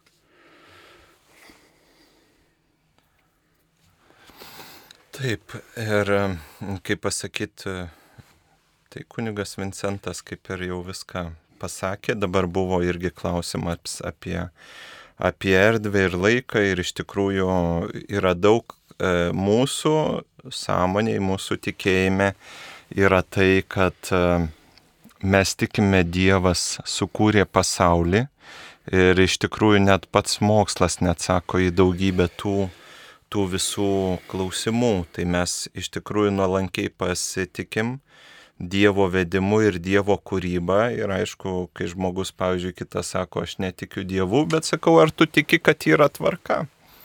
Ir apsidairyk organizme, gamtoj, visur yra tvarka. Tai būtent kai tu matai savo gyvenime ir visur tvarka, tada matai, kad vis dėlto yra kažkoks tikslus veikimas. Ačiū. Skambutis. Mums paskambino Marija iš Nemenšinės. Garbė Jėzui Kristui. Per amžius amen. Noriu paklausti apie adoravimą. Ar galiu adoroti nuotoliniu būdu, ar tai yra tas pats, jeigu būčiau gyvai bažnyčioje? Ir antrą klausimą turiu. Kodėl per genocidą buvo naikinami vien tik žydai? Kodėl jie šitą tautą norėjo išnaikinti kažkaip tai? Iki šiol tas klausimas man galvoj. Aš gal pradėsiu nuo antro klausimo, paskui prieisim prie nuotolinio. Aš manau, kad čia toks yra truputėlį sureišminimas. Aš galvoju, kad genocidą liečia ne tik žydus, liečia ir pačius rusus, kai buvo naikinami Rusijoje per, per, po revoliucijos ir popus, liečia ir lietuvius. Aš manau, kad šitą genocidą patyrė visos tautos ir kad vien žydai čia tik tais yra nukentėjai, čia yra netiesa, nes Osvensime aš asmeniškai dabar esu gyvenu Krokuvoje ir ten buvo įvairių tautybių žmonės, aišku, ir komunistai, ir katalikai, ir, ir, ir kunigai, ir viskupai buvo naikinami. Ne? Ir aš, aš manau, kad toks, gal čia yra toks stereotipas, mitas, kažkokia klišė, kad čia žydai yra. O šiaip iš kitos, aišku, nesu nei antisemitas, stengiuosi visas tautas mylėti, gerbti, kiek daryti ar ne, o kad visos tautos žydai labiausiai nukentėjo, bet e, čia dabar kažkokia interpeliacija bus e, ten Seime ir e, apie, kalbant apie apie žydus, o žydai, kad naikino taip pat lietuvius ir prisidėjo prie kitų blogybių, reikia tą pasakyti, ar ne, kaip ir lietuviai prisidėjo, ar ne, reiškia, kažkaip jie labiausiai, apie juos nieko negalima blogai, nu, pasakykime, būkime, kaip sakant, tokie objektyvūs, ar ne? Tik žydai, tik lietuviai buvo naikinami, bet taip pat lietuviai ir žydai, ir rusai, ir ukrainiečiai prisidėjo prie kažkokio blogio. Dabar, reiškia, Ukrainoje tai visi įvykiai, bet pavyzdžiui, Lenkai, UPA, Ukrainskąją povstančiuskai armiją, ne? tai kuri, kuri skerdė ir naikino e, ukrainiečiai e, Lenkus, tai yra tokie, nu, visokie dalykai, tai ne vienareikšmiškas dalykas, ne, kad žydai labiausiai nukentėjus. Einame dabar prie pirmojo klausimo. Yra, e, poniai, aš patarčiau įsigyti knygą, aš nežinau, ar yra, kuri man padėjo, tai yra e, kunigas Algis Vaitskūnas išleido Insinų Jėzų.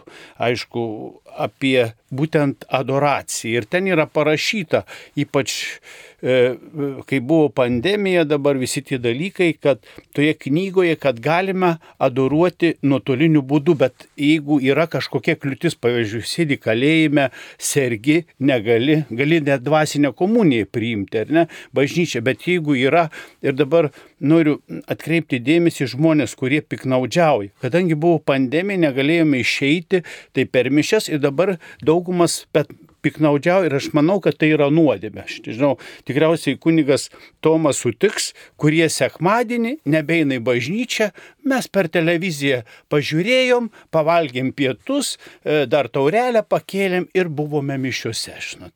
Tai yra, žinokit, piknaudžiavimas. Aš galvoju, kad Dievas už tai nelaimina.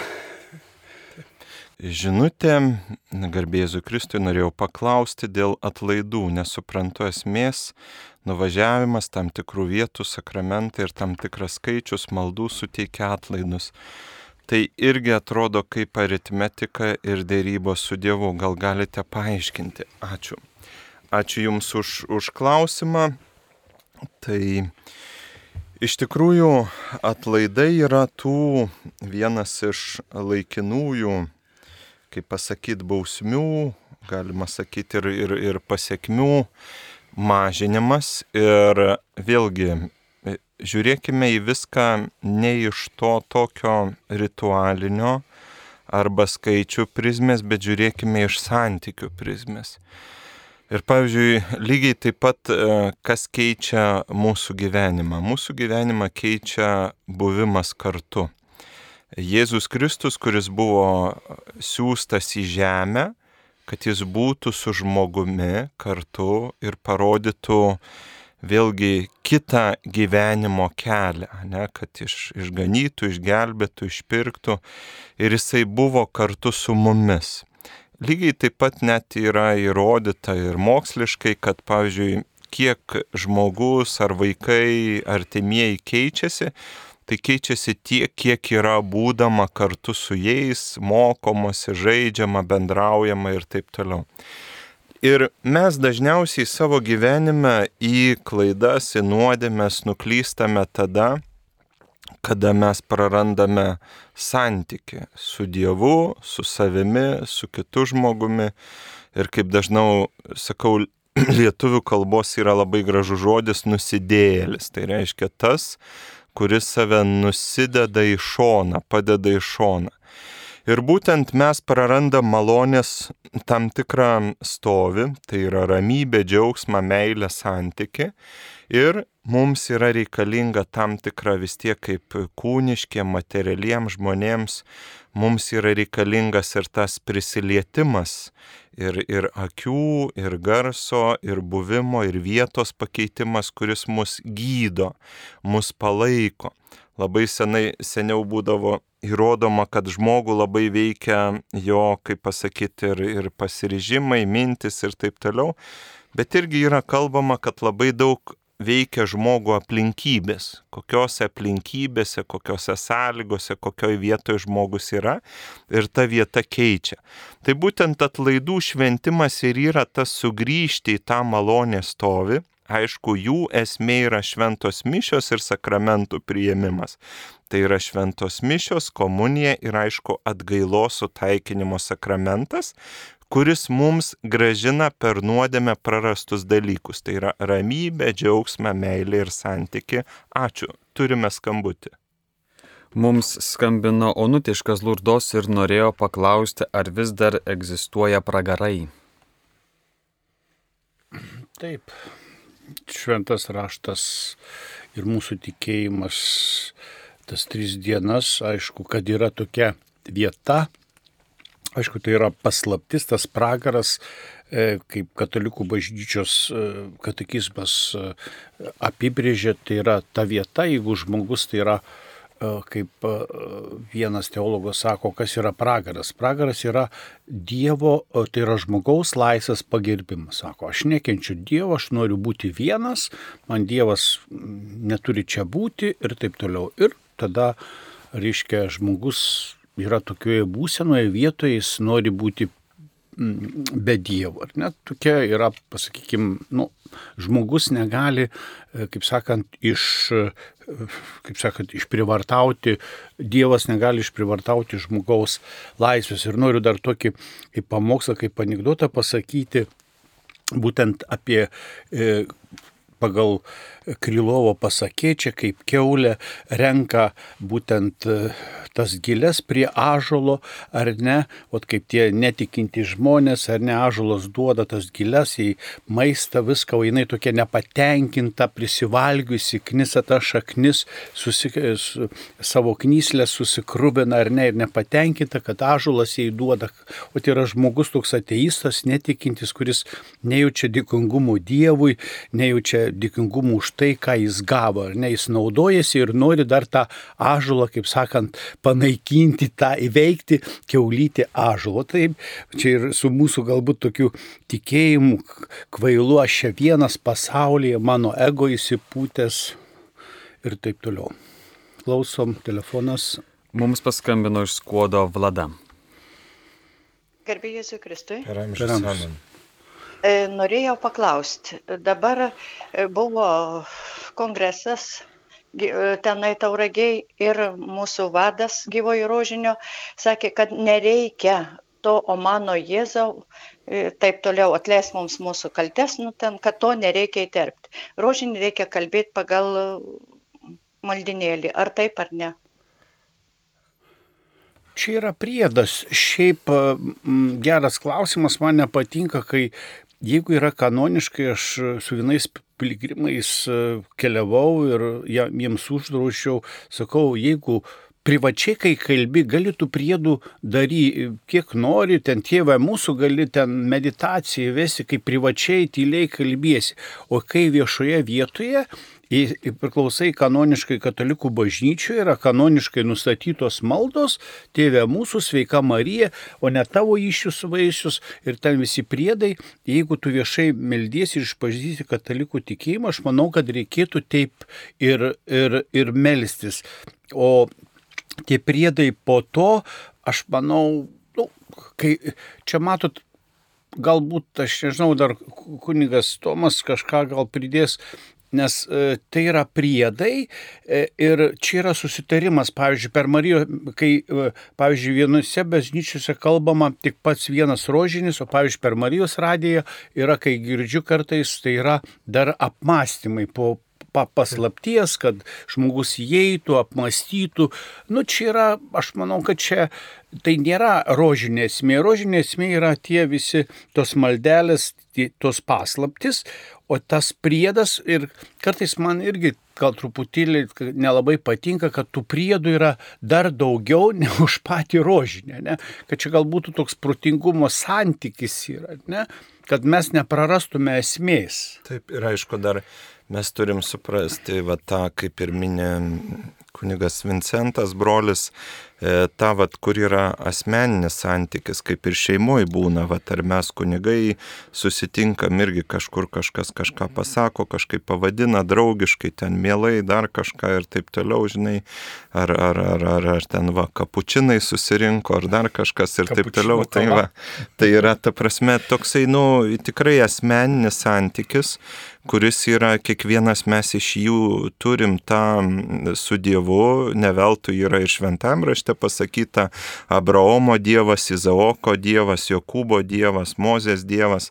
Tai irgi jų santykis su Dievu buvo truputėlį kitoks, jie Dievą suvokė kitaip ir kitą kartą net žmonės negalėjo suvokti to žmogaus santykio su tuo Dievu. Ir, ir vyskupo yra vienoks, kunigo, vienuolio kitoks, bet visi mes einam į vieną dvasę kuri viską jungia. Ir yra tam tikri kanonai, tam tikri maldos kanonai, kiti, kur mes norime eiti į bendrumą, bet ne į skirtingumą. Ir kaip brolis Vincentas sakė, privačioj maldoj mes galime tų visų intarpų tikrai naudoti, kurie yra toje dvasioje.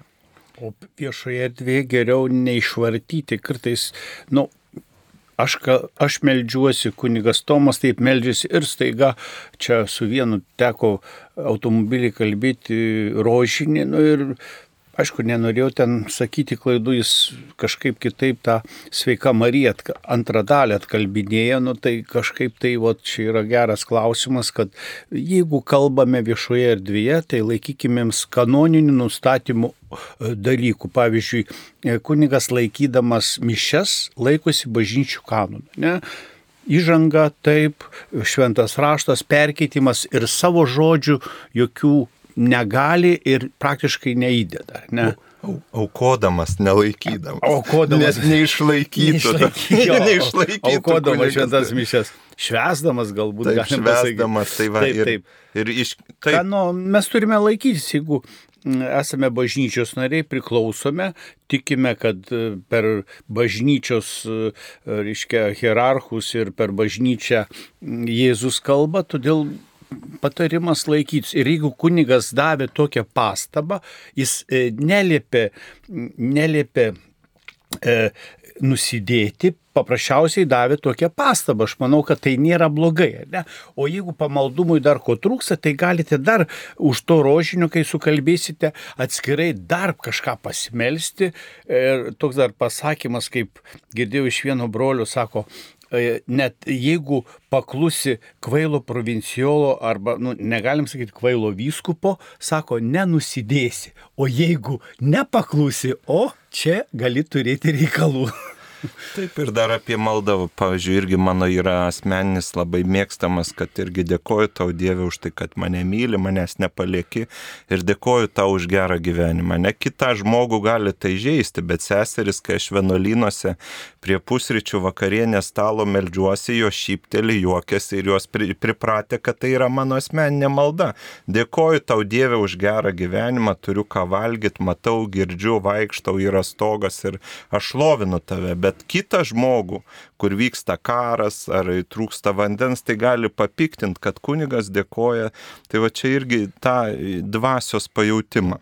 Tai čia, yra, čia nėra kanonin, čia yra taip, privati taip, malda. Taip, ne? taip, taip, taip. Net galit paklausti, ar aš galiu privačiai dabar asmeniškai pasimelsti. Esama žinutė trumpoji, kodėl Seno testamento Dievas skiriasi savo elgesiu nuo Dievo aprašyto Naujajame testamente. Aš manau, kad iš esmės šitas klausimas yra įdingas, nes Dievas yra vientisas, ar ne? Ir ką mes e, Senajame testamente ir Naujajame mes matome išganimo istoriją.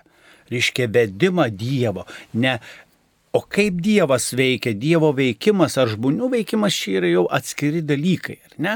Ir būtent, e, kad sako, kodėl toks Dievas, kodėl toks čia mūsų yra sukurti, kaip tik šiandien per pertraukėlę mes su kunigu Tomu truputėlį dalyjomės, kad žmonės labai viską paduoda į jausmus, į interpretacijas. Man taip atrodo, aš taip jaučiu, ta, turi, turi tai būti.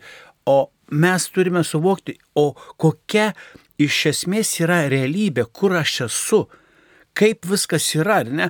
Ir kai, e, kaip svarbu maldoje būtent nusityrinti, nuti, nutilti, ar ne, prieš Dievą, nutilti savo jausmus. Mes ateiname ir šokame tėvo, Dievui, taip negaliu sakyti, draskome akis, klausyk Dieve, turi būti taip, taip, taip. O kas tu esi, tu kortas išdavinėjai, tu pasaulį sukūrė, o kaip Jobas bandė kažkaip tai padraskyti mm, akis Dievui, ar ne?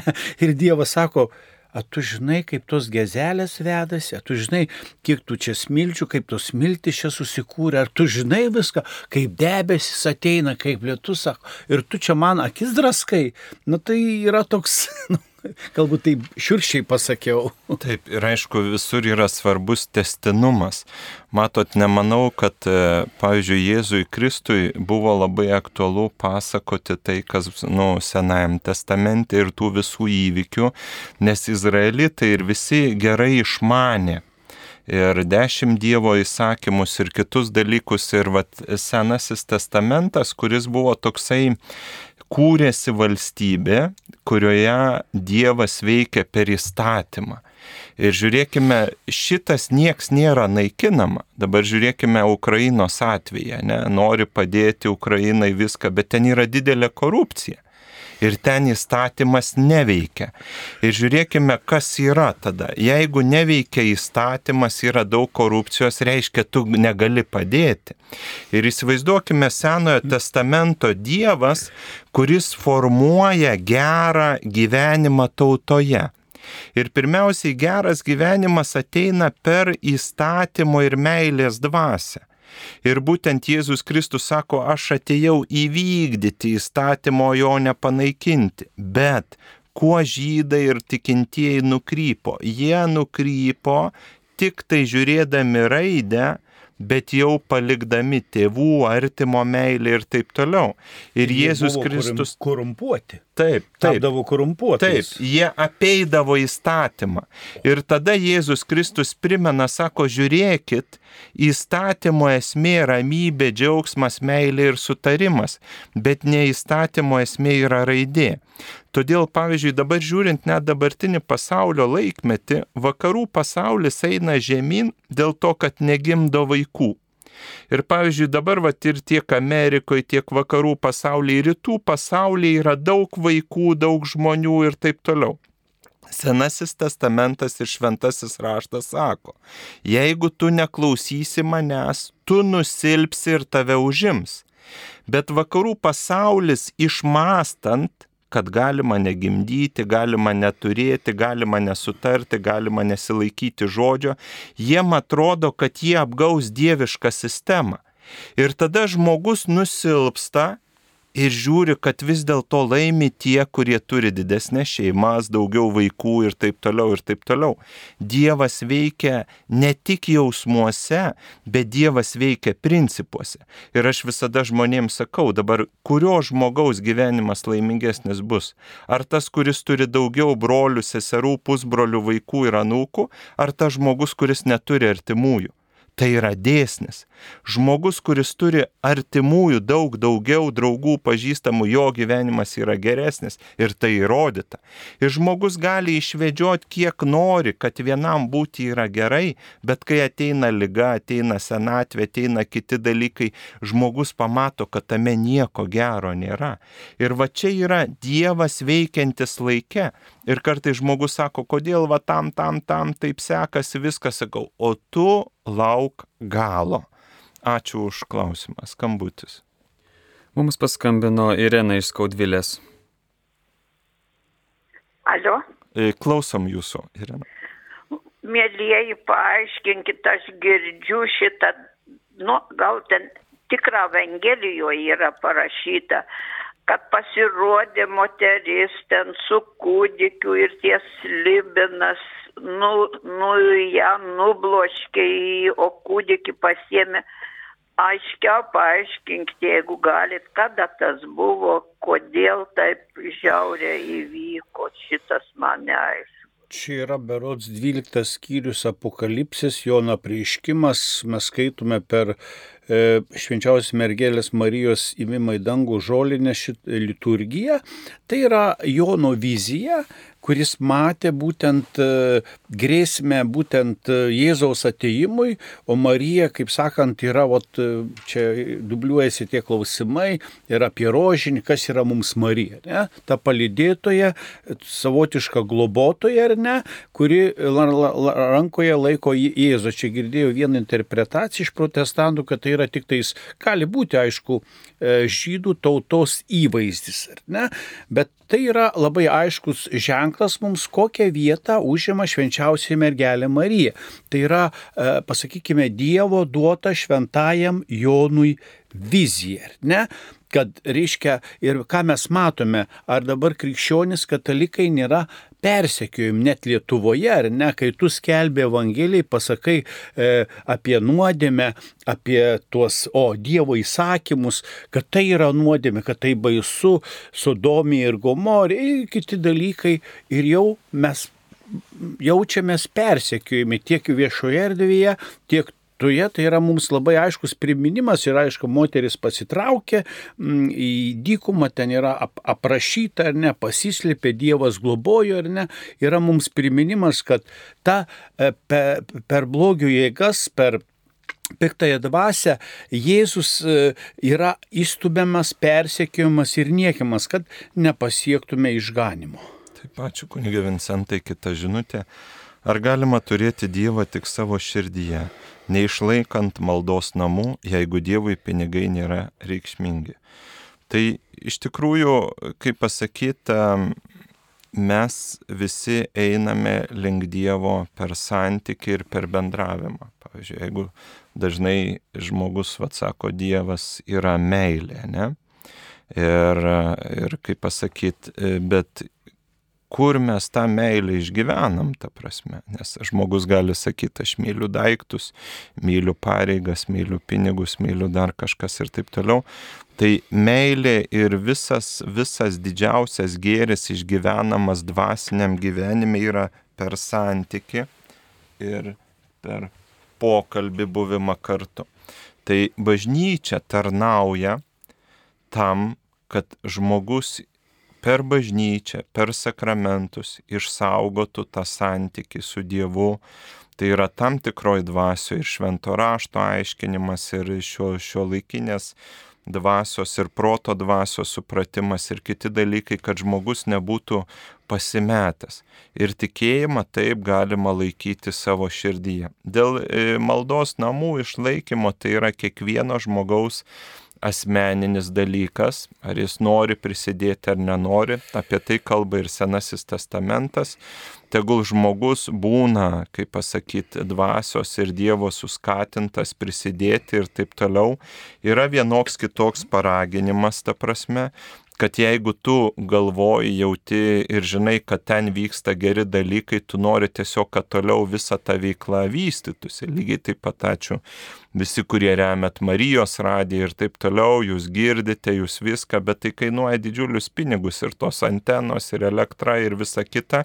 Ir žmogus žiūri, kad aš noriu, kad šita veikla vystytųsi ir tęstų. Labai dažnai mes pamirštam vieną dalyką, kad e, visa pasaulio ideologija iš tikrųjų valdo pinigai. Ir mes galim lygiai dabar ir vat, visokios programos, kiti dalykai ir taip toliau. Vat žmogus įvykdo tą programą, jis gauna pinigų ir taip toliau. Ir visur mes tikrai susidurėme, kaip ir šventajam rašte parašyta, su karalystėmis, su valdžiomis, su galiomis ir taip toliau.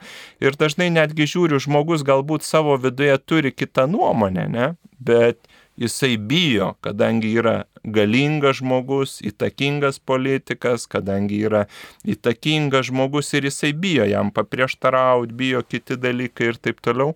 Tai finansiniai dalykai, net ar kažkoks straipsnis ar kiti dalykai, va tu skaitai straipsnį, kurie yra užsakomo, užsakomieji, ta prasme. Ir tu matai, kad visur dominuoja viena nuomonė. Bet yra nuomonių labai daug. Ir aišku, dažnai žmonės irgi, kaip pasakyti, žiūri, tai vad finansai jie irgi turi savyje galę, ta prasme. Ir vad, pavyzdžiui, žmogus, kuris, kaip pasakyti, laisvai aukoja, jisai sako, žinot, aš noriu, vat, kad būtų melžiamas už mano šeimą, aš noriu, kad ten taip toliau ir taip toliau. Aš prisimenu vienas turtingas žmogus atvažiavo su prabangiu automobiliu, sako, aš turiu verslą, turiu mažai laiko ir sako, aš neturiu laiko vaikams, žmonai, šeimai ir taip toliau, tėvams, seniem viską, bet sako, aš aukoju pinigus bažnyčiai dėl to, kad sako, vat, sako tikrai girdžiu, kad jie čia atsigauna, man patinka, ką jūs darot, ką jūs vystat ir taip toliau. Ir aš noriu, kad jūs plėtotume dar plačiau savo veiklą. Tai mes labai dažnai ir į pinigus žiūrim kaip į tokį savitikslį dalyką, bet jis iš tikrųjų yra įrankis. Bet aš visada esu kategoriškas prieš nustatytus mokesčius ir prieš įvairiausių sakramentų pardavinėjimą, ar ten, kai žmogus sako, kad tiek tiek turi, tai čia yra blogi dalykai, tai yra vėžys. Aš noriu kaip tik paporinti kunigui Tomui, reiškia Dievo širdyje, maldos namai, pinigai yra svarbus dalykai, paprasčiausiai grįžti prie mūsų katalikų dogmos. Jėzus yra Dievas ir žmogus. Mes irgi turime žmogišką ir dievišką prigimtį, dvasinį ir kūninį gyvenimą. Čia reikia atskirti, kad svarbu puoselėti tą dvasinį gyvenimą ir antras dalykas, kiek mums yra svarbus kūnas, kiek mums yra svarbus maistas. Bet to nereikia sudėvinti, kaip kunigas Tomas sako, ar ne? Pinigai. Pinigai yra priemonė. Ne? Ai, yra tokie spiritualiniai judėjimai, kur e, neigia kūną, neigia viskas tik tais dvasioje, dvasioje. Ne, čia yra būtent herezija jau, nes tu turi e, ir kūną, ir sielą, ir dvasę. Ir tau reikia tais rūpintis, ar ne? Ir aišku, kai e, pinigas arba euras tampa mūsų naujų dievaičių, ar ne, visame kame, klausime, ar tai iš esmės yra gerai, ar ne? Ir kiek tu uždirbi, kiek tu aukoji teisingai. Čia yra aš galvoju, kad ir auka kartais sako, o čia kiek čia susirenka, vienas Facebook'e mane užpuolė, kiek kunigai gauna, o sakau, e, nuvažiuok į kaimo parapiją, pažiūrėk trys močiutės, kurios kiek sumeta aukų, nu, paprastai parapijoje ten kaimo, ir ir tie pinigai yra parapijai, ne kunigui. O, o aš buvau pas vieną kunigą, kuris turi tris parapijas ir savaitę neturėjo nei, viš, e, nei vienų mišių aukų. Atsakau, paskaičiu, kiek kunigas gali gauti. Ne? Čia yra dvasiniai dalykai. Ar kaip čia kunigas tas verslininkas atvažiavo e, ir, ir mato, reiškia, kad čia yra geri dalykai, dvasingi Dar kitas dalykas, toks pavyzdys, net vienas ateistas savo vaiką e, labai norėjo, aišku, ir įstojo tą mergaitę į Zuitų gimnaziją. Sako, bet tu esi netikintis, tu netiki Dievu, kad tau to viskas. Ne, nesakyk, sako, Bet čia moko tų gerų dalykų, tų kaip elgtis, kaip gerbti. Net ateistai supranta, kad yra geri dalykai. Ir ta auka yra dvasinis dalykas, prie ko prisidėti. Aišku, gali paukoti ir maksimai nusipirkti ten viskas skaičiukai ar ne, tuos dalykus, ar, ar gali pagal širdį ir e, ypač protestantai, man irgi nepatinka, e, kaip aš sutinku su kunigu Tomu, tiek tiek. Ten dešimtinė, dešimtinė, tie pastoriai įsitvėrė dešimtinę. Stop. O Jėzus apie tą našlės katiką sako, jį įmetė daugiausiai, ne dešimtinę, bet atidavė viską. O čia yra tas santykis, ar ne? Kiek noriu padėti, ar noriu. Taigi Taigi šitą e, e, kunigas Tomas pabūs toje parapijoje, pastatys bažnyčią, paskui gal viskų pasiškels į kitur statyti, bet vieš, gal į misijas išvažiuos viešpaties keliai. Ne, ne, nežinome ar ne. Tai paliks šitą bažnyčią, taigi jūsų bendruomenė, o kaip tik kalbame gerai, tai užliečiam, jūs eis, jūsų vaikai, e, laidotuvės, krikštai, šventimas ar ne, pasibuvimas, dvasinis ir skausmas ir džiaugsmas. Taigi čia, čia dėl jūsų viskas yra yra darom ne dėl kunigo, ar ne? A, aš duodu aš ją kunigui, ar ne? Arba e, Facebook'e užpuoliu, o kiek šiluvoj čia e, surenkate. Sakau, tu nueik į arkivyskupą ir pa, pa, paklaus, kiek Taip, surenka. taip. Ir kur tie kuni, pinigai eina, ne? Karito reikmėms. Mes nematome, ką bažnyčia. Tik tais mato, aha, kunigas kaip apsirengęs ir kokį automobilį. Pavyzdžiui, o nemato, kad kaime su zaparažiečiu kunigas važiuoja, čia nesimato. Ne tik tai žiūri kažkur, kažkur kitur. Nu, žmonės pamaty, pamatome esmę ir gelmę, ne tik, ne tik savo tokius mitus. Aš galvoju, kad čia, o kaip per televiziją mes kalbėjom, kad yra jausmai ir nuomonės, o nėra esmės, nėra faktų, nėra gyvenimo. Taip, ir kunigė Vincentai šalia jūsų sėdi kaimo klebonas, tai yra Labūnavas ir Vandžiogalas. Ai, Tai, taip. tai va, tai Vandžiogalai mes surenkam sekmadienį bažnyčios išlaikymui maždaug apie nuo 80 iki 120 eurų, tai čia elektrai, zakristijonui ir visiems yra žmonėms reikalam. O dar kartą primenu, kad tai yra. Labūnavai, Labūnavai nuo... yra parapija. Taip, nuo 80 iki, iki ten 100 su truputėlį. Toliau, kas yra apie aukas, tai vėlgi yra dėkingumas, ta prasme. Mes labai pamirštam nuo Senojo testamento žmogus, nuo derliaus, nuo ten avių, jaučių, taip toliau, buvo skatinamas dėkoti Dievui už gerą derlių ir jis duodavo dešimtinę iš dėkingumo, suprantat. Tai vad mes labai dažnai, jeigu visada sako, kiek man aukoti, ar dabar jums prieš krikštą, ar po santokos, sakau, žinot, jeigu jūs būsit dėkingas, jūs paukokit po krikšto, po santokos, jeigu jums nepatiks ir jūs būsit nedėkingas, jūs nieko neaukokit. Ir man bus labai džiugu kažką nusipirkti viską, kai aš turėsiu visą tai, ką turiu iš dėkingumo. Plus labai dažnai žmonės maišo, kad sako, kunigas gyvena iš aukų, aš gyvenu iš patarnavimų. Gal yra kas gyvena iš aukų. Tai reiškia, aš tarnauju prie altoriaus, tarnauju laidotuvėse, ligoninėse, tarnauju teikdamas sakramentus. Ir kartais būna, pavyzdžiui, kažkoks jaunuolis, mergina nori nusižudyti ar dar kažkas, arba tu ateini pasmirštantį žmogų. Tu neėmi jokių pinigų. Bet pavyzdžiui, tai šeimai, tai giminiai susitvarko didelis skausmas ir didelė žaizda. Ir kas prasideda? Kunigė Tomai, gal galit palaiminti mano mašiną? Galiu. Kunigė Tomai, gal galit palaiminti mano namus? Galiu.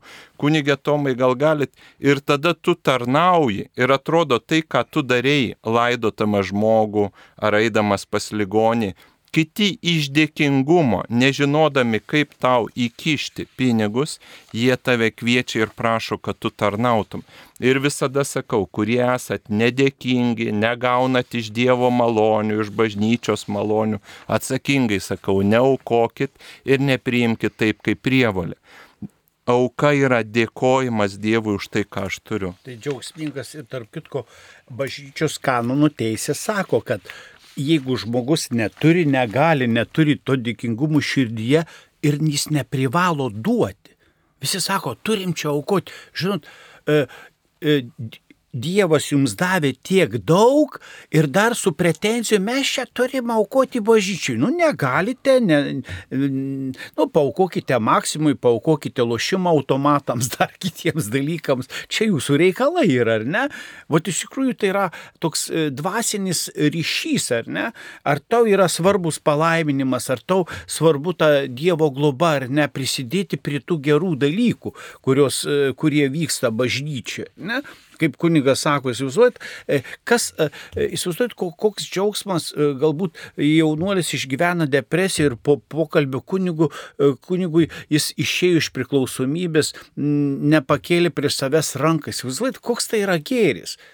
Tai pinigais nėra įvertinimo daly, arba at, ateini pas ligonį kaip kunigas Tomas arba tik klebonai, to nieks nemato, ne? Su sena tokia pavargusia mučiute susitikti, e, reiškia, priima sakramentus, pakalba.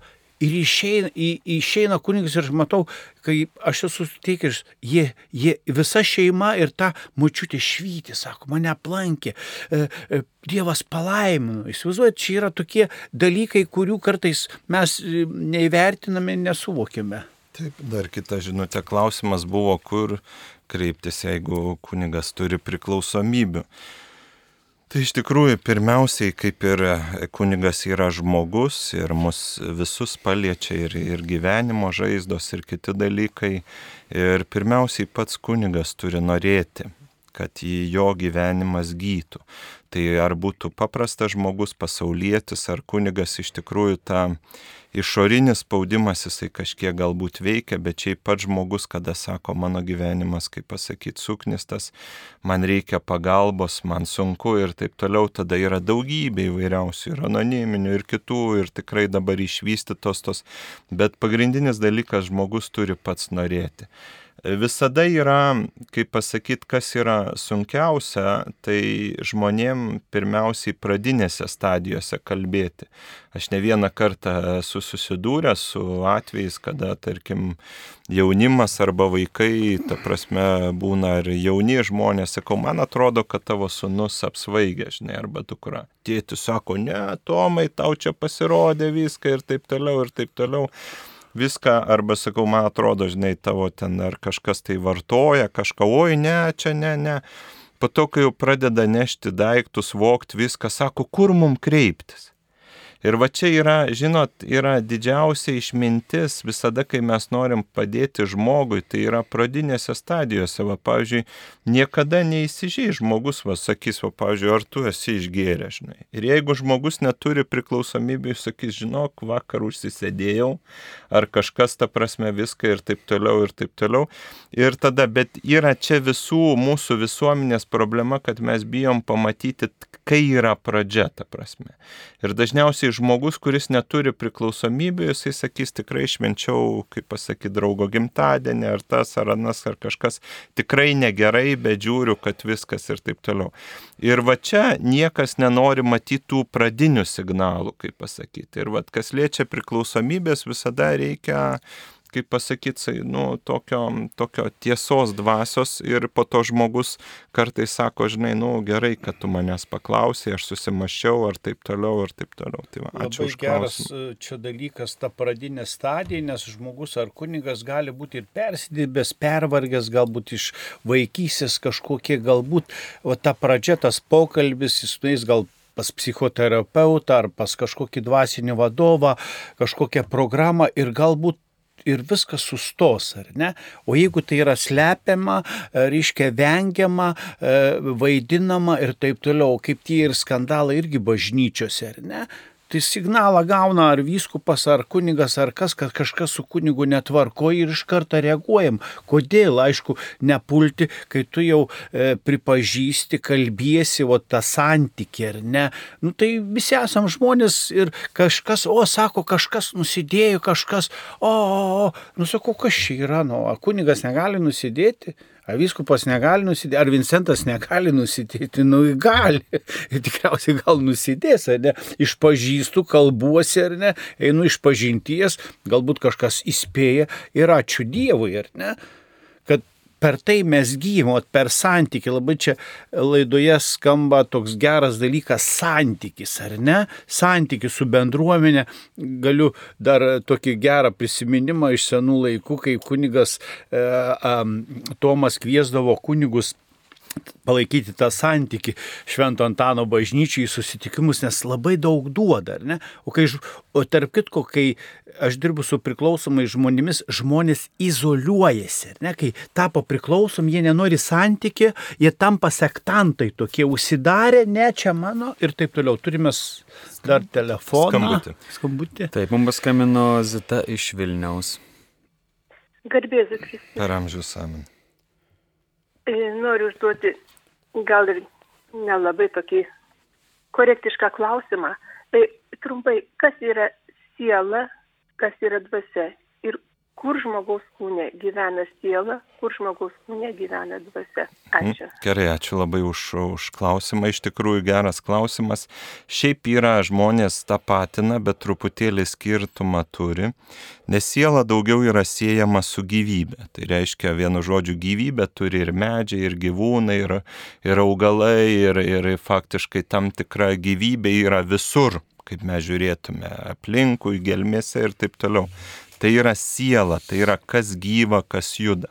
Kas liečia dvasia, tai yra, kaip pasakyti, daugiau kalbama apie dievišką dvasę ir tai yra kalbama apie Dievo dvasę. Ne? Tai mes, va, pavyzdžiui, žmogaus dvasios tokios kaip negalima sakyti, bet vis tiek bandom kažkiek apibriežti, tai yra sudėta iš trijų tokių elementų. Tai yra protas, valia, jausmai. Ne? Ir mes žiūrim, va, pavyzdžiui, pasaulis yra protingas, gamta yra protinga, gamta taip pat yra valinga ir va, žmogaus toliau, kaip pasakyti, ateities, praeities mąstymas, kiti dalykai, jie irgi, ta prasme, planavimas, tai irgi yra dvasios elementas.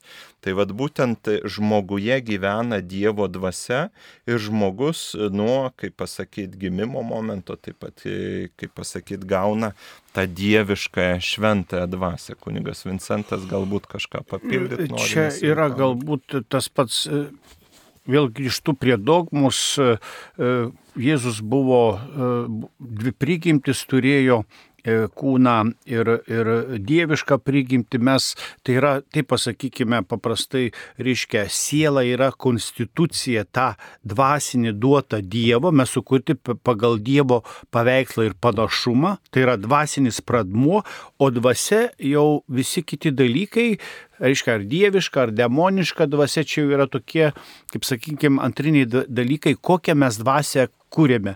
Atsiminkime, kad tai yra mūsų kūryba, dvasinis gyvenimas yra mūsų kūryba, kur mes einame. Taip, o siela yra tas konstituvus dalykas, per kurį mes vedame dvasinį gyvenimą. Taip pat, kunigė Vincentai, norėčiau papildyti neurologų pastebėjimais apie smegenis.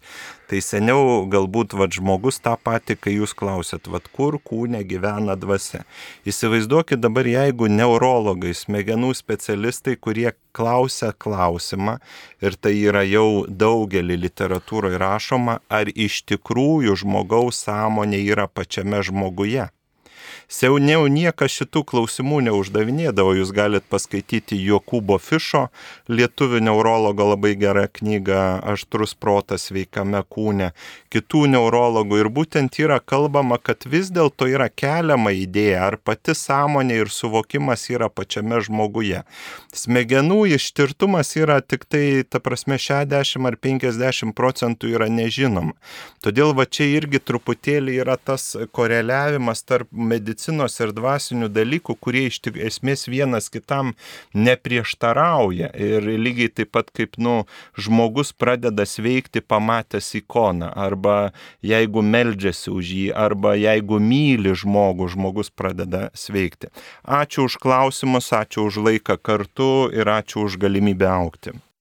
O mes dėkojame kunigams, kurie dalyvavo, tai kunigas Tomas Trečiokas, brolis Kapucinas Vincentas Tamašauskas ir pradžioje kartu su jumis buvo kunigas Sigitas Jurkštas.